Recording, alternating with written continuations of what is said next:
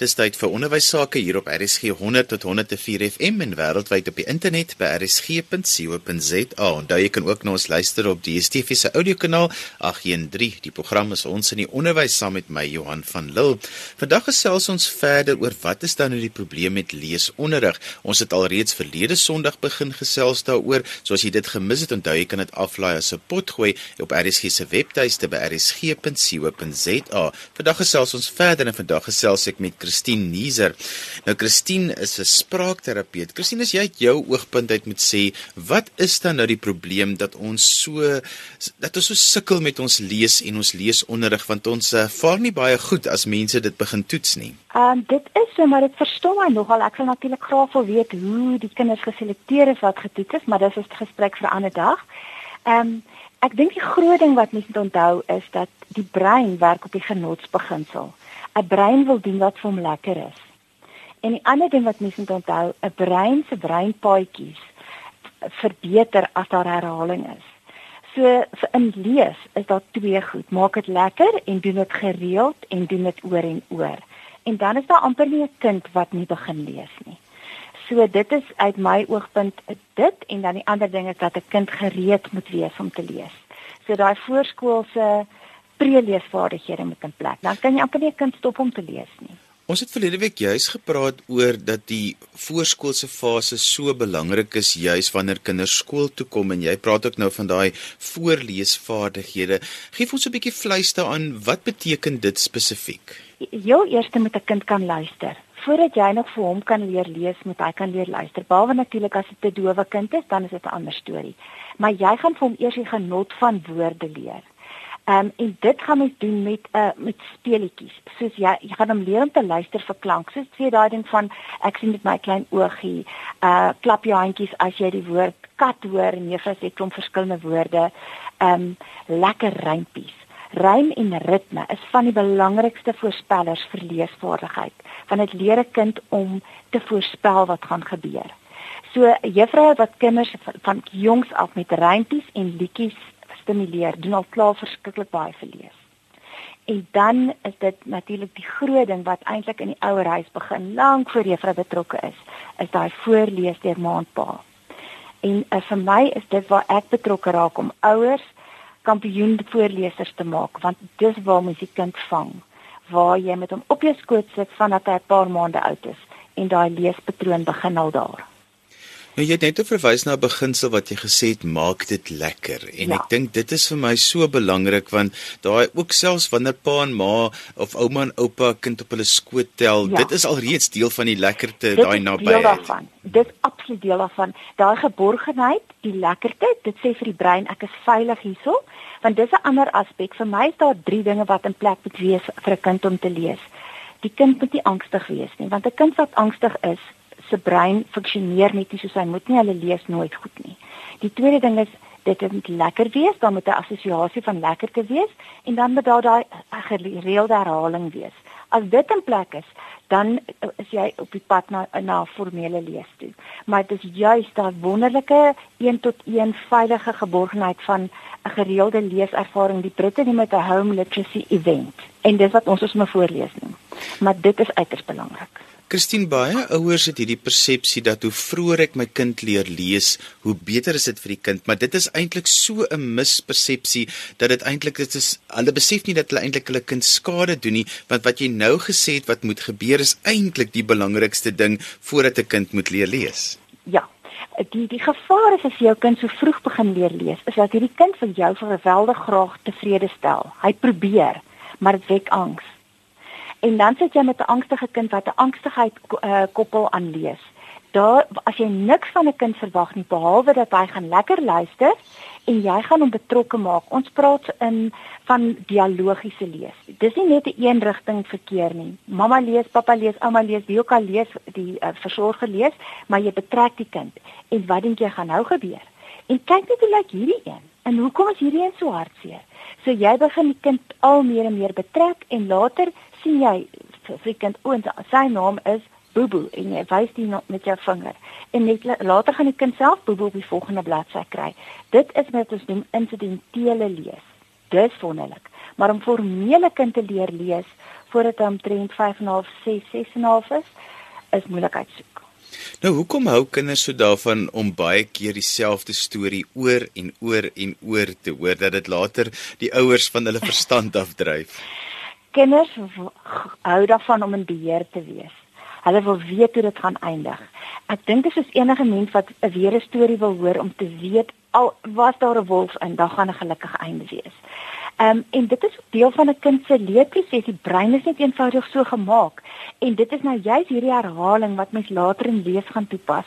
Dit gee nie om hoeveel keer die kind die, die lesie of die storie lees nie. As hy sukses ervaar, dan is dit elke keer weer lekker. So dit, dit is maar iets uniek aan die brein. 'n Mens vir iets wat vir jou werk en wat lekker is en wat goed geëindig het vir hulle weer en weer hoor. Hulle wil nie die slegte stories weer 'n keer hoor nie. Nou baie van hierdie ouers het die voorreg om hulle kinders in speelskole of in crèches te sit ja. of het dan natuurlik ook graad R skole en hulle kry hulle leesleiding van daardie onderwysers ja. af. Watse raad moet sulke onderwysers dan juis vir die ouers gee om te sê dit is die beste vir jou kind? Ehm um, die laat wat ek vir vir juffrouens sal gee om vir die ouers te sê dat hulle met amper 'n kontrak by die skool kom teken wat sê ek beloof om elke dag vir my kind te lees. Dit gee nie om hoe laat dit is nie. Ons sit ons sit ons kind in die bed met 'n storie voorgeles of vertel. Dan moet 'n ritme en 'n rotine wees en daai lekker innigheid van voor ek gaan slaap kry 'n storie. Al doen mens net dit, dan het jy al vir jou kind geweldig baie gegee. Ehm um, so dit sal vir my my eerste en belangrikste ding wees is maak daai home literacy event maak daai tuis letterkundige gebeurtenis 'n absolute deel soos kos eet is daai storie wat jy elke dag gaan vir 'n kind gee.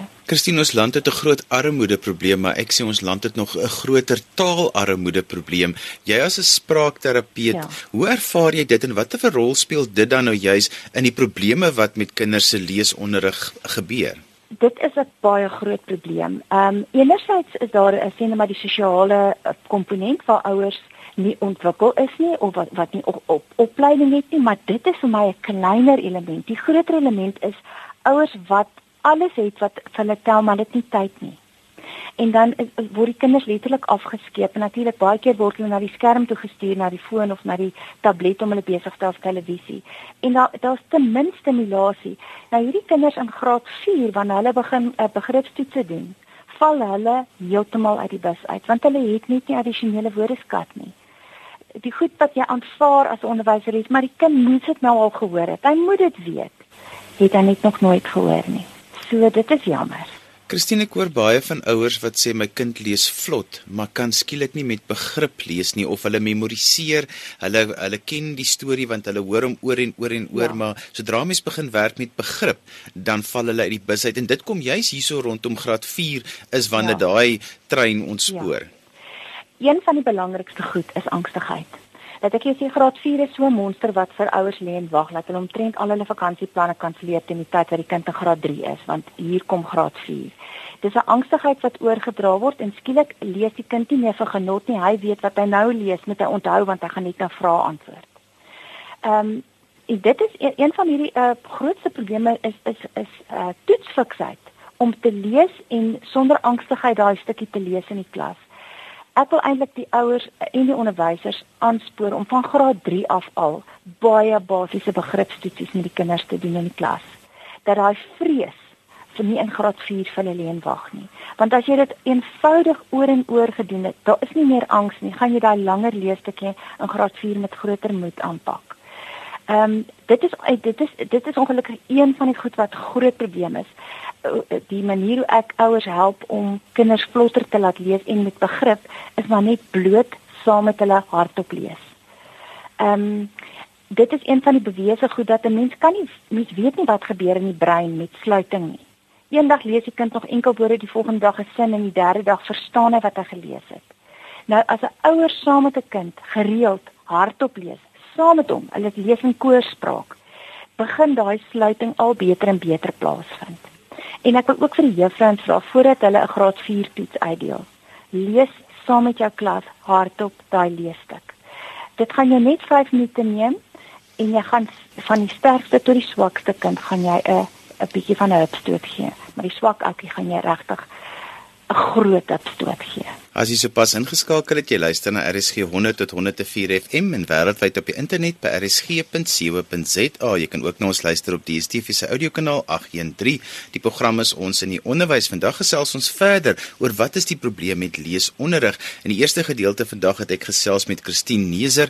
Christine, net as mense met jou wil kontak maak, hoe kan hulle dit doen? Ehm um, hulle kan vir my e-pos stuur by lcn@ atlantic l-a-n-t-i-c.net lcn@atlantic.net My volgende gas is Dr. Johan Anker wat vir baie jare onderwysers opgelei het juis met leesonderrig, Afrikaanse onderrig, maar ook baie lank was hy betrokke by die skryf van boeke.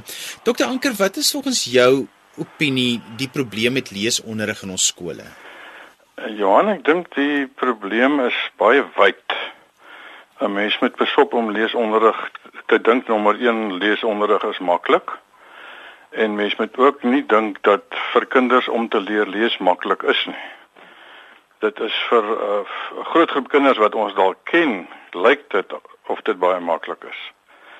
Maar die probleem kom daarby dat leesonderrig 'n vaardigheid wat dus moet ontwikkel word, maar dis ook kognitief. Dit verwag van die kind ook heelwat denke.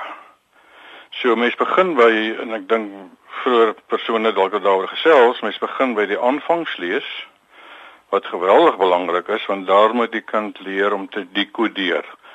Want ons werk met 'n kode waar jy letters as klanke dekodeer en andersom.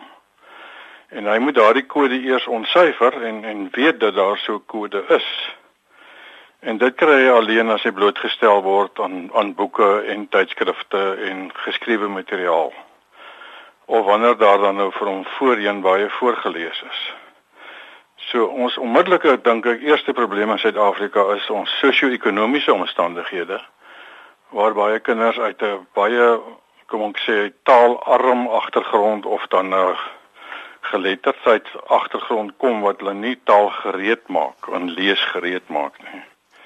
Daarna is ons by woordeskat want om te lees is maar om woordeskat te herken nadat jy nou die letters herken. En die woordeskat hang ook af van wat in jou huis gepraat word, wat jy rondom jou ervaar elke dag. En hoe wyer daardie woordeskat is, hoe makliker gaan jy woorde herken en lees. Ook wat vir jou voorgeles word. En daarna kom nou jou dekodering waar jy 'n sin moet kan lees maar ook verstaan. Want dan ons by die begrip en wat bedoel word wat jy dan in jou denke moet verwerk en daarop reageer. As ek nou vir jou sou sê ek het nou net kloor in my swembad gegooi. Dan vir mense wat nie 'n swembad het nie of nie gewoond is daaraan nie, dan wil hulle nou weet wat is kloor en hoekom moes jy dit in jou swembad gooi? Ek meen dan wat beteken die woord en hoekom sou iemand dit nou moes doen? So dit dan is by vraagstelling terwyl jy lees. En ek dink as ons praat van skool, dink ek baie onderwysers is goed opgelei in die grondslagfase om hierdie dekodering deel te hanteer. Uh die dekodering is ook belangrik omdat dit gaan oor spoed. Die spoed waarteen 'n mens kan dekodeer is geweldig belangrik vir jou begrip. Want hoe stadiger jy lees, hoe vinniger vergeet jy wat die eerste deel van die sin was sodat wanneer jy aan die einde van die sin kom, jy nie meer die geheel van die sin onthou nie. En dan is jy by 'n posisie waar jy moet weer lees om te weet waaroor die sin dan nou gegaan het. So stadige spoed gaan nou saam met die outomatiese dekodering of nie. En daarom is baie leesprogramme ingestel op spoed veral later wat nie verkeerd is nie, maar waar die klem nie noodwendig dan op begrip val nie om mee te begin. So sosio-ekonomiese omstandighede aantal kinders in 'n klas in 'n skool kan 'n geweldige invloed hê want jy kan het dan nie die tyd om by die kinders wat dalk 'n agterstand het of stadiger lees om daardie leeshulpverlening vir hulle te gee nie.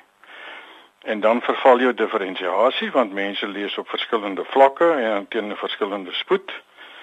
En om met die geheel van 35 en 40 en 50 leerders in 'n klas te werk, gaan met spesifieke leesonderrig dink ek vir jou probleme gee. Nou Dr Anker iets wat duidelik uitkom is dat baie kinders kom aan die einde van graad 3 en hulle is vlot of vaardige lesers, ja. maar dan kom hulle in graad 4 dan kom jy skielik agter hulle kan net nie met begrip lees nie. Hulle kan lees, ja. maar daar's net geen begrip nie. Wat veroorsaak dit? Ja. As ek dink oor se twee dinge, die die eerste is soos ek gesê het net nou uh, die woordeskat. En wat nou gebeur vanaf graad 4 is skielik word die aantal vakke wat hulle moet neem, akademiese vakke noem dit maar so, meer en word die inhoud van daardie vakke as jy gaan kyk na die inhoud van graad 3, graad 4 na na die intermediêre fase. Nou word die inhoud van daardie vakke noem dit dan nou maar tegnies. So jy het 'n groot klomp woordeskat nodig om jou aardrykskunde te verstaan. En jy het 'n groot klomp woordeskat nodig om jou natuurwetenskap te verstaan. En jy het 'n ander woordeskat nodig vir jou geskiedenis. Om nou nie van die wiskunde eers te praat nie. En elkeen van hierdie vakke het sy eie soort woordeskat. So skielik verbreed hierdie behoefte aan woordeskat per vak.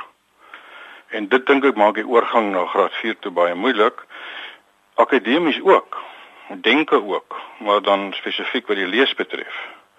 En dan dink ek, en ek dink ek is dalk reg, dat ons baie minder tyd spandeer aan aan spesifiek lees en leesbegrip vanaf graad 4.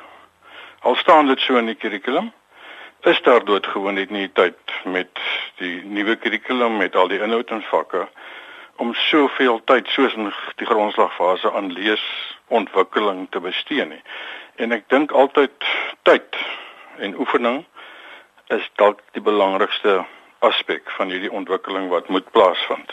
Nou dokter Anker my bekommernis is is dat ehm um, die die aanleer van lees en leesbegrip ja. word mos nou eintlik geassosieer met die grondslagfase en dan jou intermediêre onderwyser kan dit verder vat maar hulle is nie opgelei om spesifiek aandag te gee as daai proses glad nie gebeur het nie en hulle het ook nie die tyd nie so hoe adresseer 'n mens daardie probleem? Ja, ons ons jy sê dit korrek en dat baie mense dink dat dit is nou die werk van die taalonderwyser. Of dan binne die taaldeel wat jy nou in die kurrikulum het die tyd wat jy het moet die leesonderrig of die leesbegrip onderrig plaasvind. En in die res van die vakke dink mense maar ek gaan met my vak aan die kinders leer mos nou op 'n ander plek lees. Dis die ander mense is altyd die ander ou se se werk om dit te doen. Maar elke vakonderwyser behoort 'n leesonderwyser te wees. Dit is 'n deel van die oplossing. En ek vind nogal in die opleiding in Nederland byvoorbeeld dat hulle baie aandag gee dat wanneer jy geografie gee, jy die kind moet leer om die vak te lees. En ek dink ons het alleen 'n oplossing as almal, al die kollegas, al die vakke vir die kinders sou leer om hulle vak te lees en hulle woordeskat te verstaan wat hulle moet lees want elke vak het ook sy eie patroon en elke vak het ook sy eie soort teks. En hoe stadiger jy dit lees, hoe langer gaan jy vat om te leer ensovoorts ensovoorts. So een van die oplossings om jou tyd te vermeerder is om in ander vakke ook tyd te gee aan lees. Dink ek. Die ander is om andersom te werk en in jou taalvakke dan tekste te integreer wat uit die ander vakke kom. So ek sê dikwels aan mense as ek weet, ek sê nou maar ek gee graad 4 of 5 klas en ek weet hulle skryf volgende week 'n aardrykskunde toets. Gee dan vir my daai teks waar of die hoofstuk waar uit hulle die toets skryf. En laat ek dan my leesbegrip en my woordeskat en my spelling met daardie teks doen. En ek is bereid om 'n wetenskap aan te gaan dat die slagpunt in daai aardrykskunde toets heelwat beter gaan wees as in die verlede. Dis een oplossing waarna mens kan dink. Dokter Anker, daar's 'n ander ding wat ek net vinnig wil aanspreek voor ons tyd verby is en dit is ja. dat baie mense dink dat leesbegripsontwikkeling word deur 'n begripstoets ontwikkel en dit ja. is so ver van die waarheid as wat kan kom. Ek kan nie anders as om saam te stem nie. Ek kan sterker ook uitdruk, maar seker nie oor die radio nie. Ehm um, ek dink nie leesbegrip toetse ontwikkel enige begrip nie. As gevolg van die aard daarvan want daar word net direk eintlik gevra wat spesifiek daar staan en die onderwerp verskil mos nou elke keer. Met ander woorde, mense agtergrondkennis ontbreek baie keer. As ek nou 'n begripstoets oor vliegtye moet beantwoord, is dit iets anders as wanneer dit gaan oor die plantfamilies of dan nou die kloor in die swembad. En afhangende van my agtergrond gaan ek meer of minder begrip hê van waaroor die teks gaan en die woordeskat gaan. Maar as ek as dit gaan oor die woord begrip aspek, dan gaan dit oor wat ons noem leesbegripstrategie wat onderrig moet word. En mense het vir jare navorsing gedoen wat 'n goeie leser. En 'n goeie leser byvoorbeeld voorspel. Hy sien die teks en hy sien hier is vyf opskrifte, so ek voorspel dit gaan oor vyf afdelings. Hy sien die vetgedrukte woorde en hy dink dit is die belangrike woorde. Ek moet kyk of ek verstaan wat dit beteken. En as ek dan 'n begripstoets opstel, moet ek hom vra: "Uit hoeveel afdelings bestaan hierdie teks?" Want daar is moet hy aflei hier's vyf opskrifte. Of hy sien hier's 'n inleiding. Inleiding beteken ek gaan nou in hierdie paragraaf lees waaroor die teks gaan. So ek moet hom vra wat voorspel die inleiding vir jou? Met ander woorde, my begripstoets moet wees oor begripsaspekte. Nie net oor wat is die hoofgedagte in paragraaf 1 nie, alhoewel dit dalk ook belangrik kan wees. Nou ons tyd is nou al weer verstreke vir vandag, so ek sal op 'n later stadium weer met dokter Anker gesels oor leesbegripstrategieë en hoe mense dit by kinders kan ontwikkel. As mense met jou wil kontak maak, dalk vir opleidings en so, hoe kan hulle ja. dit doen? Uh, ek dink hulle moet maar die e-pos gebruik. Op hierdie stadium is dit Anker J, die anker is 'n gewone anker wat jy sê gooi. Anker J en dan is dit by cpit www.ac.za. En so gesels Dr. Johan Anker en ons het vandag gesels oor die probleme met leesonderrig in skole. Onthou kan weer na vandag se program luister as se potgooi, laat dit af by rsg.co.za. daarmee groet ek dan vir vandag tot volgende Sondag van my Johan van Lille. Totsiens.